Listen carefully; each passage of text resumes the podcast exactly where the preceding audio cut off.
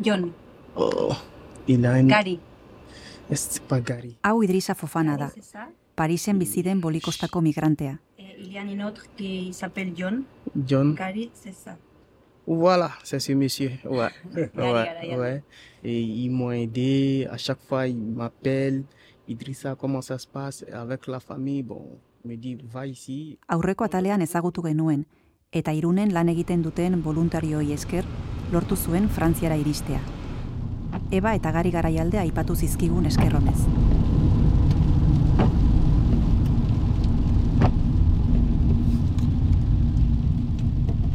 Gaur igual, jendarmeak egongo dira gordetan. Euriarekin, no? Igual gaur ona, egun ona pasatzeko. Gari fotokazetaria da. Hainbatetan muga mendiz zeharkatu du migranteekin. Ez voluntario gisa, baizik eta argazkilari bezala. Eta bere irudiak argia eta Bai, zazpika bai, aldizkarietan plazaratu ditu bertzeak bertze. Eh, Eramango dut hau bakarrik, ez dute alterako. Bai, nik ama baldatu bertut mendiko. Podcast honen aurreko ataletan entzun izan diogu. Udako goiz euritsu batean gelditu gara berarekin. Endarlatxako zubiaren azpian, Gipuzkoa eta Nafarroaren arteko mugan. Bida, Ni uste Baietz. Muga hau zeharkatzeko migrantek egiten duten mendi bidean zehar gidatuko gaitu. Apa gari. Eitin behar nizuen esaten, hostia, hau ez dago Ah, ez, ez baiz gabe jakiteko lasai negatik, así que... Bi gauzatxo, eta gona ematen... Eta igoerari ekiten diogun bitartean, Eh, berago, errepidearen ondoan, bidasoak bere bidea jarraitzen du, gelditu gabe. Itxuraz ez da zeharkatzeko ibai zaila, ez da sobera zabala. Baina nola edo hala, azken hilabeteotan, hainbat migranteren hilobi bihurtu da.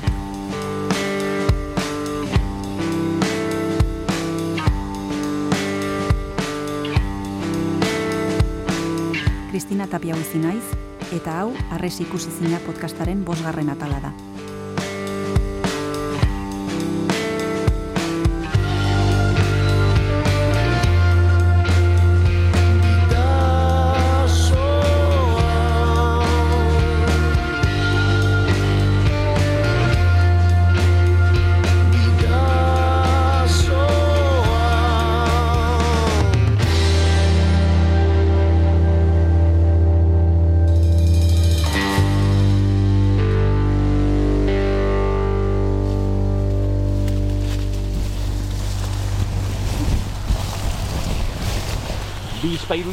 Izango zen, galdu zela mendian bat, eta ez zela itio egin zela, eta hemen polizia eta egon zen asko bilatzen, eta nik ordutikan, beraiek ere konturatu direla...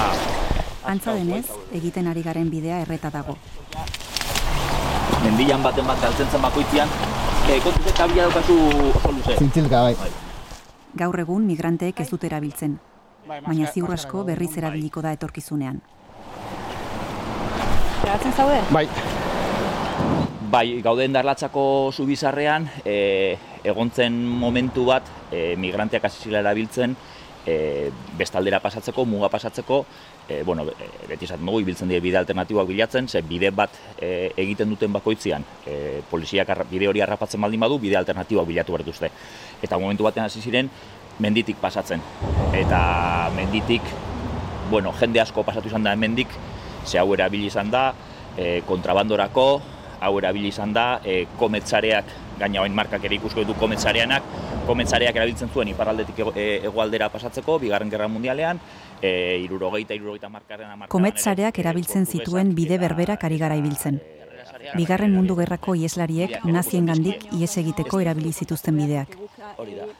Gaur egun beste ieslari batzuen iesbide dira. Orduan, e, Behar bada bueno, kasualitatea da. Behar bada Bai, ez. arrasak informazioa daten eta gaina azkenian, zanut, lau urte dara matzate gudakigunez e, pasatzen, oza, e, oain dela lau urte konturatu nien horren beste jende zegola, harrera sarea gutxi gora bera lau mila edo bost mila lagun laguntzen du urtero, lau urte dire, hogei mila lagun. Oso horrex esaten da, baina hogei mila lagun. Hogei mila lagunek egindako bidea bestei kontatzen diete. Orduan, e, bueno, ba, kontatu egiten da, pasatu egiten da, e, informazioa ematen da, beti dago jendea laguntzeko prest. Hemen. Kasu, eh? Hau da zatirik eh, arriskutsua ez, baino irristakorrena edo hau izan daiteke. Bai. Ba, Gainera ni mikro, mikroarekin. Hori gorde igual orain. Bai, igual hau horreko dut. Pertsona migrariek elkarri pasatzen diete informazioa. Endarlatxako komet sarearen bide hau adibidez.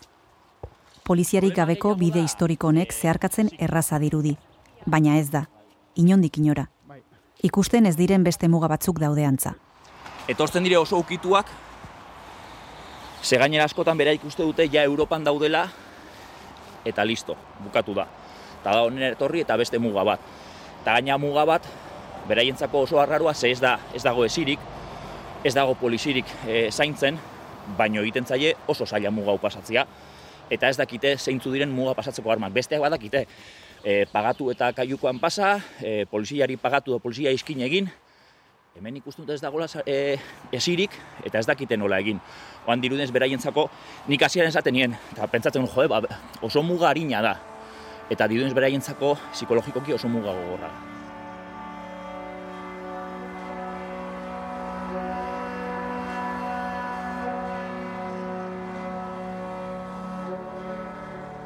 Muga guziak dira gogorrak.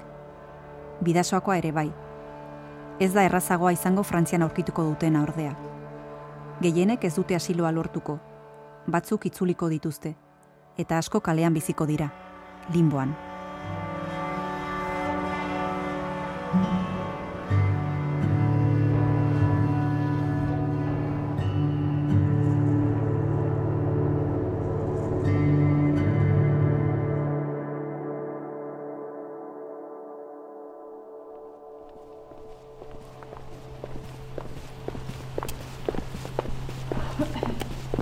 Baionan gaude. Francisco Rodríguez abokatua ezagutzera etorri gara.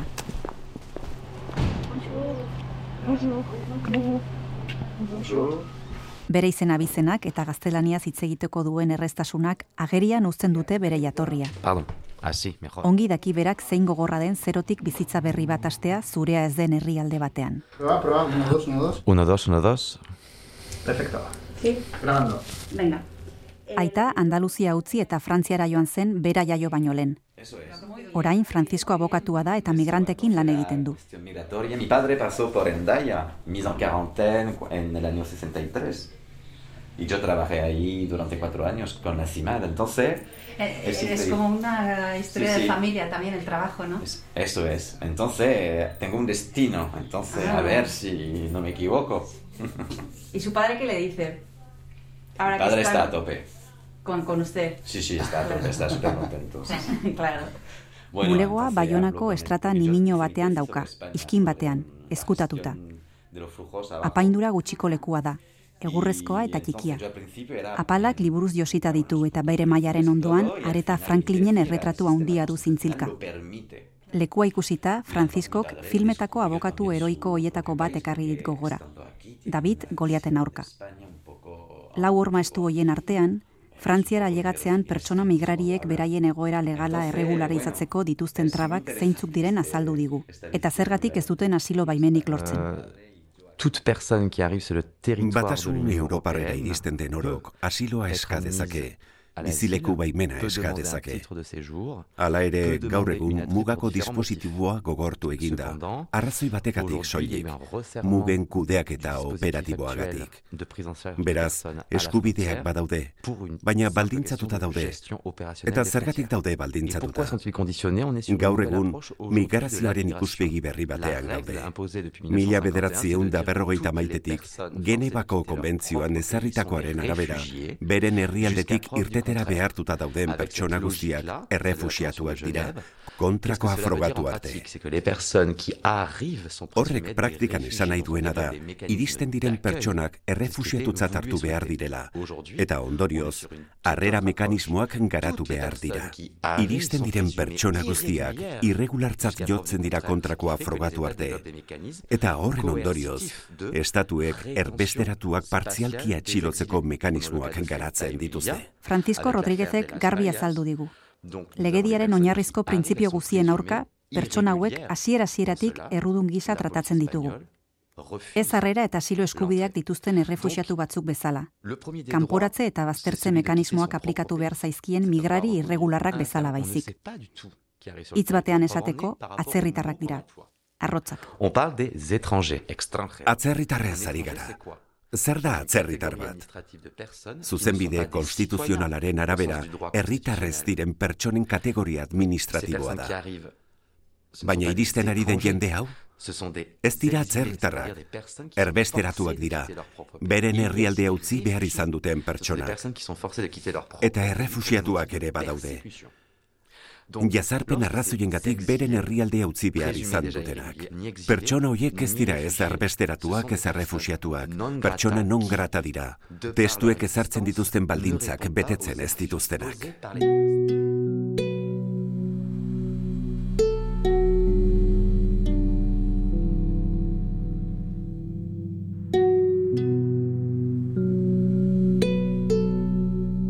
Pertsona non grata terminoa erabili du Gordin Francisco Rodríguezek. Barrua astintzen digu terminoaren gordintasunak. Inork nahi ez dituen pertsonak. Honen jatorriari buruz galdetzean, abokatuak garbi du nondik sortzen den migrarien kontrako aurkakotasun hori, beldurretik. Ez ditugu onartzen beldurragatik. Inkontziente kolektibo frantsesak bere historia gaizki interpretatzen du, eta bere etorkizuna gaizki interpretatzen du. Izan ere, gaur jende hau hemen dago. Batzuek egoitza baimena izan dezakete, beste batzuek traba egin dezakete. Nous essayons voilà, de rétablir cette Saiatzen gara. Hemen oreka hori berrezarri behar da jendeari esanez. Magistratu eibarne. Baina zuek, noren beldurtzarete. Okertzaudete. Gaur egun ezin dugulako onartu erbesteratua arrisku gisa ikusi. L'exilé comme un danger.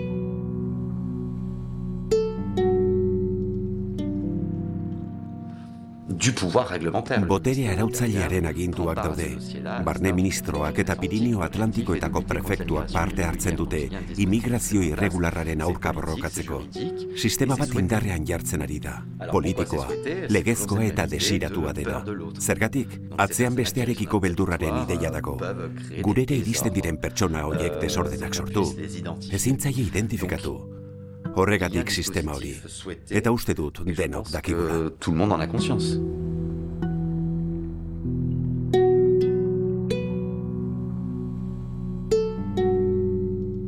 Horixe da pertsona migrariek sortu diegun beldurrezko filmean betetzen duten papera. Pertsona non grata arriskutsuarena. Eta horregatik daude modu irregular eta kaskarrean bizirautera zigortuak.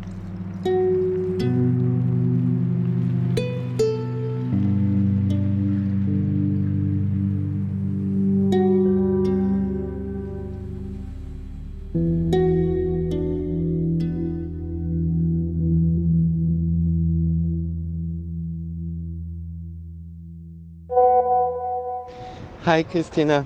The camp and the demonstration is kind of the same thing, because the, uh, the demonstration is in the form of a camp, which means that we, well, we Pertsona non grata haunitz daude hemen. Gari garaialdek zioen moduan, migrante gehienen helburua Paris da. Eta ona etorri gara. Frantziako hiriburuan lan egiten duen Utopia elkarteko komunikazio arduradunak, Nikolai Posnerrek, bi voluntarioren kontaktuak eman dizkigu. Ilona Cook eta Liz Bertrand. Bi emakume gazte hauek ongi ezagutzen dute migrarien egoera. but maybe you have other contact to get access to this. Let me know. Beraien lana giltzarria izaten da askotan pertsona migrarien egoera aldatzeko, bizileku bat aurkitzeko eta egoera legala ere bideratzen laguntzeko. Bonjour Alice, eh, je suis Cristina, eh, on est là à la Bastille. Eh, Paperak lortzea da jomuga nagusia lana.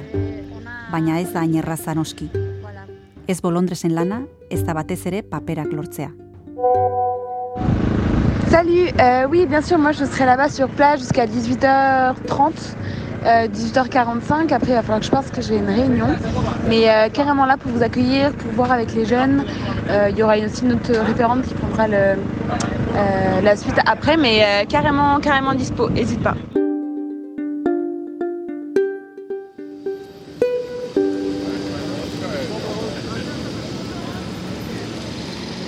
Euh, je suis Alice Bertrand, j'ai 20 Alice Bertrand naiz, eta hogeita bi urte ditut. Utopian 2008 bateko azarotik aritzen naiz. 2021, et actuellement... Euh... Lehen kolpean, deigarria da alizen gaztetasuna, eta hitz egiteko duen konbentzimendua. Là, c'est que des jeunes en recours, donc c'est des jeunes qui... Euh, Euh, Frantziara iristen diren gazteek adin txikiko gisa onartzea eskatezakete epaitegien aurrean. Errekurtsoak jarri dituzte aurren auzitegian. Baina gobernuaren begietara, hauek ez dira ez adin nagusiko, ez adin txikiko. Ez dira ez bat ez beste, eta horrek definizio juridikorek eza eragiten du. Pas major non plus, Euh, du coup, un flux, un, un, flou un peu juridique euh, dans lequel ils sont et, euh, et du coup, ils ont des, des rendez-vous avec des avocats. Parisera iristen diren adintikiko migrariak hartatzen ditu bertzeak bertze utopia elkarteak. Eta duela hilabete batzuk hemen, Bastillako plaza ikonikoan, kanpaldi bat antolatu zuten haien egoera salatzeko. Bertan, kanpindendak daude, elektrizitatea sortzeko generadoreak eta irurogei bat migrari eserita, egonean. Parisko erdigunetik pasatzen den turista saldoaren eta herritarren begiradapean bizi dira. Gaztei baliabideak ematen dizkiegu gaua igaro dezaten, kanpindenetan larrialdiko ostatu gisa. Non jartzen dira Parisen?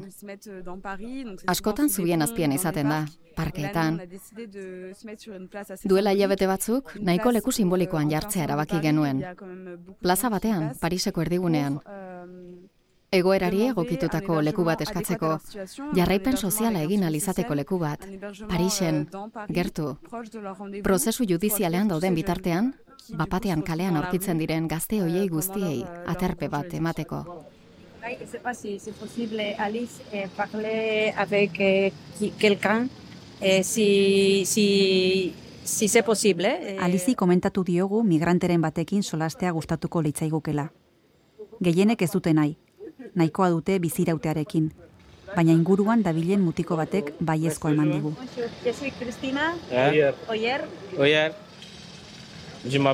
Fadiga barbaian izena dut.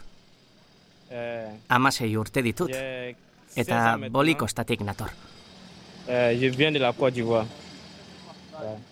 Fadiga barbaianek amasei urte ditu eta bastillako kanpaldian bizi da. Ez du gogoratzen noiz irten zen bere herrialdetik amaika urte zituela agian, esaten du. Ez du bere bidaia gogoratu nahi. Mm, j'ai oublié, mais j'ai fait 8 mois en Espagne. J'ai oublié. 8 mois en Espagne Ouais. Euh, Madrid. Avant, de Côte d'Ivoire, parti à, âge Euh, euh, años, bon, j'ai oublié. j'ai oublié. Aztu dut, aztu dut. Aztu dut.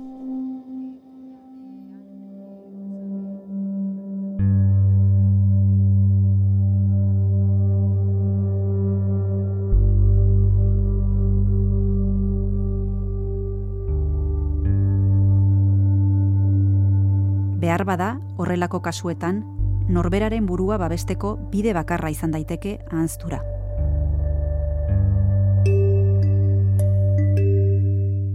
Ouais, en a espoir, mais pour le moment, c'est pas facile. Ez da erraza, badakizu? On doit ici. C'est pas facile pour manger. Ez da erraza, janaria lortzeko. Eh, on Autoen zaratarekin, ezin da lo egin gauez. Eskolara joan behar dugu, eta eskara joaten eskolara. Zelan mota nahiko lukeen galdetu diogunean, eskolara joan nahi duela erantzun digu fadigak. Sorterriko hizkuntza eta frantsesa hitz egiteaz gain, gaztelaniaz ere pitin bat moldatzen denez, itzultzaile izateko gaitasuna duela esan diogu. Baina berak nahi duen gauza bakarra eskolara joatea da. Pour être tradu- traducteur traducteur. Oui. D'abord, mais eskolara joan nahi dut. Lehen da bizi hori, quoi eskolarekin hitz egin behar dut. Voilà. Merci. Merci. Merci, Alice. merci beaucoup à vous. Bonne journée. Merci.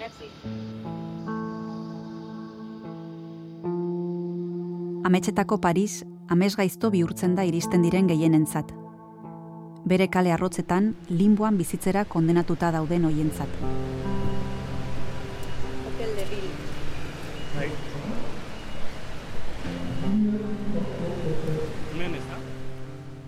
Bastillako plaza utzi eta udaletxeko plazara joan gara.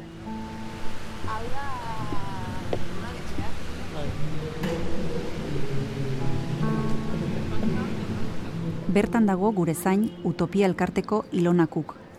Aur txikiekin kale gorrian bizi diren familientzat irtenbide bat bilatzen.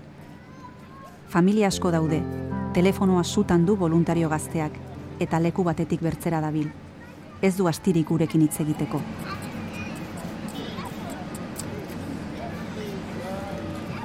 Bitartean, aur jaio berriak dituzten familiak ikusten ditugu inguruan. Poltsa batzuk daude lurrean, eta sei urteko bineska Frozen filmeko kamiseta jantzita, osto batekin jolasten ari dira. Eta pixka bat urrunago, egun batzuk barru plaza horretan ospatuko den kontzertu erraldoirako soinu probak egiten ari dira.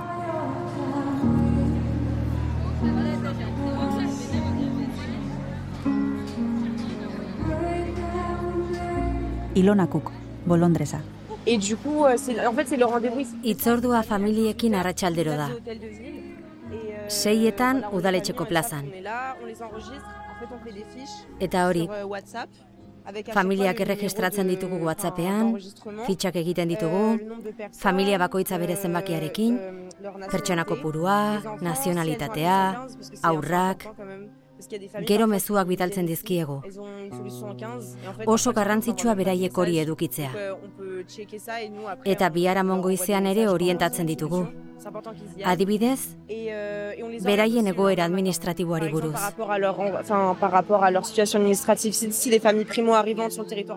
Situazion administratif. Egoera administratiboa. Zeinitz, hotz eta gogorrak. Parean duguna ikusten ari garenean. Hemen dauden gehienek ez dute lortuko telatupean lo egitea. Eta zubien azpian dituzten kanpamenduetara bidali beharko dituzte. Egunak eta egunak daude. Atzo berrogei familia zeuden. Eta zoritxarrez irten bide gutxi geneuzkan. Beraz, hogeita emeretzi dendako kanpamendua ipini genuen atzo bainolet inguruan. Montrell eta bainolet zubi azpian. Euh, euh.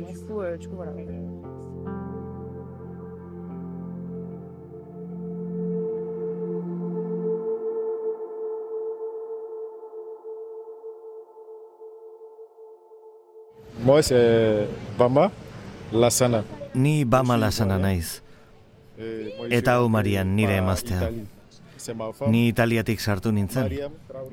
Eta bera Espainiatik. Eh, en Espagne. Nous sommes mariés depuis coutumiers. Nous sommes des musulmans religieux. Voilà. Bama Lasana bere emaztea Mariam eta bi hilabeteko alaba Frantzian jaioa, hoietako zubi baten azpian bizi dira. Bizitza baten bila etorri ziren, bere alabari etorkizun duin bat eskaini nahi ziotelako. Gaur egun dendetan egiten dugu lo txikiarekin. Ez da erraza. Egoera benetan larrian daudela esan digu. Bama lasanak kamioilari gisa lan egin nahiko luke. Bizitza berri bat nahiko nuke nire familiarentzat. Aurrarentzat batez ere. Haiek babesteko, hori nahiko nuke. Nire arazoa gaur egun etxe bat izateko modua izatea da. Bi hilabeteko aur batekin horrela kalean egotea, besoetan duzula. Gau osoa.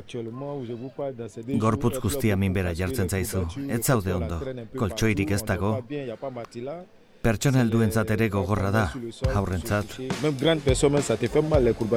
Bai, guk nahiko genukeena da, benetan bizitza bat izatea familiarentzat hemen Frantzia.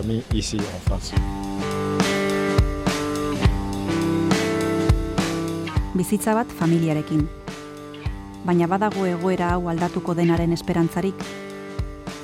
Arresia bere horretan mantenduko da betirako. Ala badu arrakalarik. Onerako aldatuko da egoera, ala txarrerako. Zein da etorkinen etorkizuna?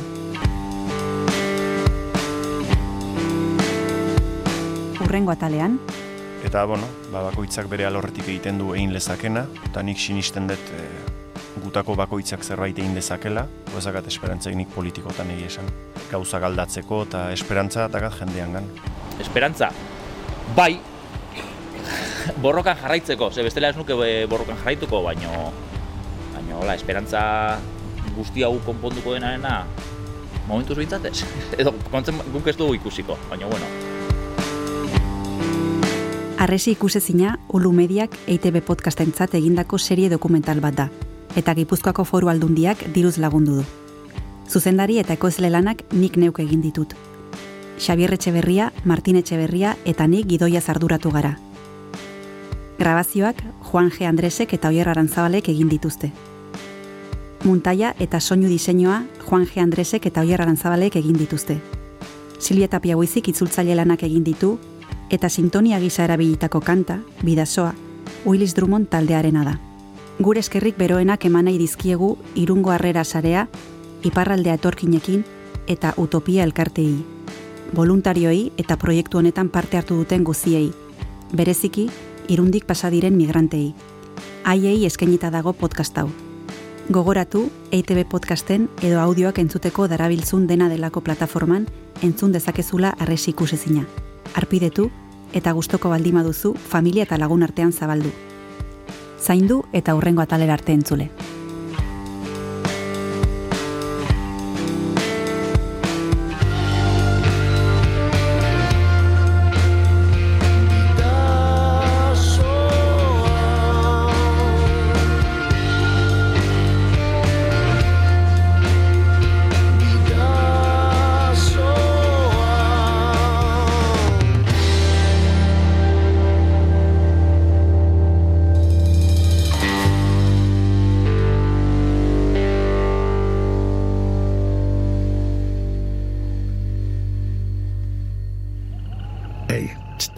Entzun hori. Ulu Media.